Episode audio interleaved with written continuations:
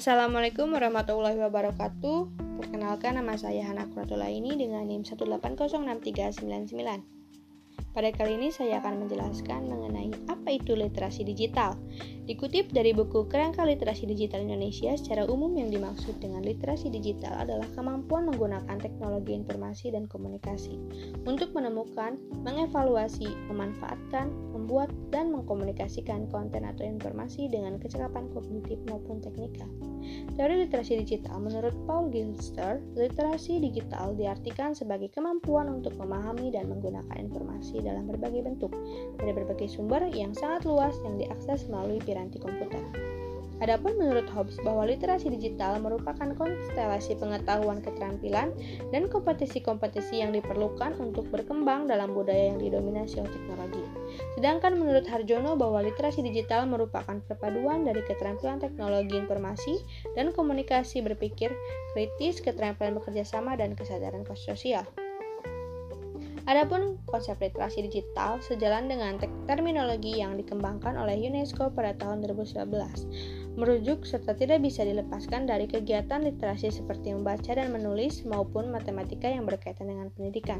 Oleh karena itu, literasi digital merupakan kecakapan hidup atau life skill yang tidak hanya melibatkan kemampuan penggunaan perangkat TIK semata, tetapi juga kemampuan bersosialisasi, kemampuan sebagai insan pembelajar maupun memiliki sikap berpikir kritis, kreatif, serta inspiratif sebagai kompetensi dalam literasi digital. Permasalahan yang kerap muncul dalam literasi digital, terutama dalam dunia pendidikan, ialah siswa mengakses situs-situs pada Google untuk menemukan jawaban tanpa berpikir terlebih dahulu. Permasalahan lainnya yakni siswa lebih gemar bermain media sosial daripada membaca materi yang diberikan oleh guru. Padahal media sosial seharusnya dijadikan sarana untuk mendapatkan informasi terkini. Nyatanya media sosial digunakan sebagai ajang bersenang-senang tanpa memperhatikan benar atau tidaknya informasi yang diakses. Adanya pemanfaatan internet tersebut memudahkan siswa menjawab soal tanpa harus berpikir. Hal ini menyebabkan bahwa siswa ma menyebabkan siswa malas dan lebih menghabiskan waktunya untuk bersantai, bermain, bahkan rela membiarkan nilai-nilai tugasnya kosong atau di bawah rata-rata. Solusi dari permasalahan-permasalahan tersebut dapat diselesaikan menggunakan beberapa alternatif. Cara pertama yaitu bagi siswa yang kurang gemar membaca dapat memperluas wawasan dengan menyaksikan video-video pembelajaran yang tersedia di YouTube. Video yang berisi gabungan gambar disertai teks biasanya berisikan ajakan, seruan, ataupun informasi. Video ini beragam mulai dari video pembelajaran ataupun pengetahuan.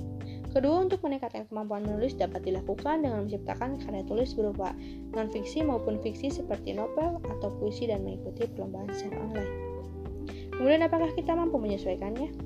Literasi digital bukan hanya diperuntukkan bagi kaum akademisi saja, tetapi seluruh masyarakat Indonesia juga perlu memahaminya.